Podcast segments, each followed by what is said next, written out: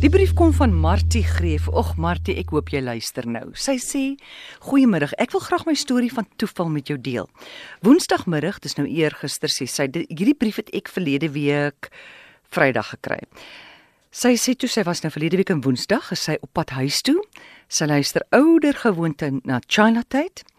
Sy wil net noem haar seun bly in Doha en en sy verlang haarself simpel na die kind.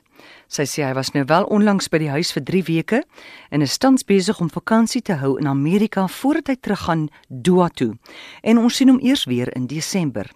Soos net te maak kan, sit ek en verlang so dat ek skoon wens ek kan nou met my seun praat. Die volgende oomblik speel jy 'n liedjie Speechless deur Waldo Greef oor die radio. Dit was oomblikke voordat jy huis toe gegaan het. Ek was so verstom dat ek glo hier het iemand my hart gehoor en ek ry toe die res van die pad met die lied in my hart. Ek voel dadelik beter en kon nie wag om by die huis te kom en my man te vertel nie, want jy sien, Wildo Greef is my seun. Dankie vir 'n pypprogram. Groete Martie Greef. is dit nie wonderlik nie? Sy sit daar verlang na haar kind. En hy's 'n sanger hier, maar hy's nou in Doha en wragtig die volgende oomblik speel ons 'n lied van haar seun.